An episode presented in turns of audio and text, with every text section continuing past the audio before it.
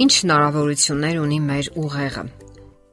Մարդու ուղեղը Աստվածային ստեղծագործության իսկապես ցնցող փաստերից մեկն է։ Ընդամենը 1.5 կիլոգրամ կշռող այս օրգանը ղեկավարում է մարդու ողջ ֆիզիկական, հոգեկան եւ հոգեվոր կյանքը։ Միայն 1 վայրկյանում նրա մեջ կատարվում են 100.000 քիմիական հակազդեցություններ կամ ռեակցիաներ։ Արդեն մարդու ծնվելու պահից նրա մոտ գոյություն ունեն ուղեղային 14 միլիարդ բջիջներ եւ այդ թիվը այլևս չի ավելանում։ Ընթակառակը 25 տարեկանից հետո սկսում է կրճատվել օրական 25000-ով։ Մեկ թերթի ընթերցանության 1 րոպեի ընթացքում մահանում են 70 բջիջներ։ Եվս մեկ զարմանահրաշ փաստ Մենք հիանում ենք բջջային հեռախոսներով եւ նրանց հնարավորություններով։ Դրանք ամենօր են կատարելագործվում եւ օժտվում ավելի ու ավելի մեծ հնարավորություններով։ Իսկ ահա մարդկային ուղեղը օրվա ընթացքում արտադրում է ավելի շատ էլեկտրական իմպուլսներ, քան աշխարի բոլոր հեռախոսները միասին վերցրած։ Իսկ արագությունը, որով նա տարբեր օրգաններին է ուղարկում ազդանշանները, ժամում 300 կիլոմետր է։ 75%-ով ջրից կազմված այդ օրգանի կանոնավոր աշխատանքը կարգավորում է ողջ օրգան համակարգերի անխափան աշխատանքը։ Իսկ ինտելեկտուալ ակտիվությունը նպաստում է թե երկարակեցությանը, եւ թե հոգեբանական առողջությանը, եւ թե այնպիսի հիվանդության կանխմանը, ինչպիսին է Alzheimer-ի հիվանդությունը։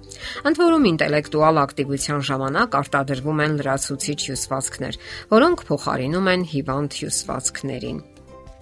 Իսկ ինչ վերաբերում է ինտելեկտուալ հնարավորություններին, ապա դա պարզապես ցնցող է։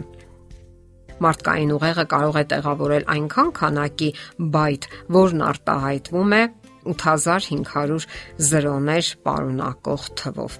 Օրինակ ռուս մեծ շախմատիստ այլոխինը կարող էր շախմատ խաղալ առանց խաղատախտակին նայելու միանգամից 30-ից 40 մարդու հետ։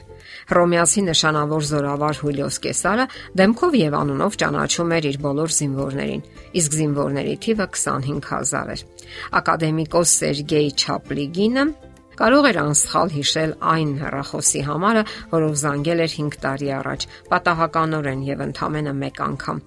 Իսկ ահա անգլիացի Դոմինիկ Բրայանին գրավոր ծանոթում էին այն մասին, որ նրան արգելվում է այցելել բոլոր խաղատները։ Որն էր պատճառը։ Իր բացառիկ հիշողությամբ նա կարողանում էր հիշել խաղից արդեն դուրս եկած խաղաթղթերը։ Եվ նմանատիպ բազմաթիվ օրինակներ կարելի է հիշել։ Կարևոր է նաև ուղեղի դերը մարդու առողջության նույնիսկ այնպիսի կարևոր հարցում, ինչպիսին է իմունային համակարգը պարզապես ցնցող հայտնագործություն են կատարել Վիրջինիայի համալսարանի բժշկության դպրոցի հետազոտողները։ Նրանք անհերքելիորեն ապացուցել են, որ ուղեղը անմիջականորեն կապված է իմունային համակարգի հետ, այսպես կոչված հոսքերով կամ հատուկ ուղիներով, որոնք նախկինում համարում էին, որ գոյություն չունեն։ Այդ ուղիների ուսումնասիրությունները շատ կարևոր են այն բանի համար, որ կարող են նպաստել բազմաթիվ նյարդաբանական հիվանդությունների ուսումնասիրությանն ու բուժմանը։ Օրինակ, աուտիզմը, Alzheimer-ի հիվանդությունը, սփռված կամ ցրված սկլերոզը եւ այլն։ Միշտ էլ այսպիսի հարցեր են առաջացել. Ինչպես կարող ենք ուսումնասիրել ուղեղի իմունային ռեակցիան կամ հակազդեցությունը կամ ինչու ցրված սկլերոզով հիվանդների մոտ հաճախ են տեղի ունենում իմունային ռեակցիաներ։ Այսօր այդ հարցի ուսումնասիրությունը եւ լուծումը բավականաչափ པարզ ընթացք է ստանում, որովհետեւ այդ հարցին հետեւողական եւ մեթոդապես մոտենալու դեպքում ողրվում է, որ ուղեղը, ինչպես եւ մնացած հյուսվածքները կապված են ծայրամասային իմունային համակարգի հետ լիմֆատիկ ուղիների օգնությամբ։ Այս հայտնագործությունը մեծապես փոխում է մեր պատկերացումները նյարդաիմունային փոխհամագործակցությունների մասին։ Նախկինում դրանք դիտարկում էին որպես էզոթերիկ կամ խորհրդապաշտական գիտության մի մաս, որը հնարավոր չէ ուսումնասիրել։ Իսկ այսօր արդեն ողջվում է, որ գոյություն ունի կենտրոնական նյարդային համակարգի լիմֆատիկ համակարգ։ Կիպնիսի լաբորատորիայի աշխատակից բժշկության դոկտոր Անտուան Լուվյան հայտնաբերել է այս հոսքերը բազմաթիվ ուսումնասիրություններից հետո ապա սկսել են մտածել, թե ինչպես օգտագործել դրանք գործնական նպատակներով։ Երբ հայտնաբերվեցին լիմֆատիկ ուղիները կամ հոսքերը այնտեղ, որտեղ դրանք չպետք է լինեին, Առաջ եկան մի շարք պատասխաններ պահանջող հարցեր։ Դրանք շատ կարևոր են ուղեղի հետ կապված հիվանդությունների առումով։ Օրինակի համար Alzheimer-ի հիվանդությունը։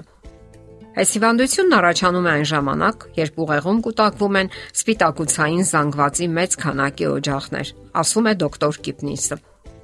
Մենք այն կարծիքին ենք, որ լիովին հնարավոր է, որ դրանք ուղեղում կուտակվում են հենց այն պատճառով, որ դրանց դուրս բերման համակարգը, այսինքն հենց այն համակարգը, որը հիմա մենք ուսումնասիրում ենք, բավականաչափ արդյունավետ է աշխատում։ Նա նաև նշում է, որ ծերացմանը զուգընթաց այդ ուղիները օրգանիզմում այլ տեսք են ստանում, եւ գիտնականները դեռ պետք է ողրզեն այն դերը, որ խաղում են դրանք ծերացման գործընթացում։ Այս ամենը վերաբերում է նաև աուտիզմ եւ ցրված սկլերոզ հիվանդություններին։ Դե ի՞նչ, հնարավորության սահմանում պահպանեք ձեր հրաշագործ օրգանը, մարզեք եւ զարգացրեք այն, օգտագործեք նրա բոլոր հնարավորությունները, բացառապես դեպի բարին եւ այն դեռ երկար տարիներ կծառայի ձեզ անխափան ու արդյունավետ։ Եթերում է առողջ ապրելակերպ հաղորդաշարը։ Հարցերի եւ առաջարկությունների համար զանգահարել 033 87 87 87 հեռախոսահամարով։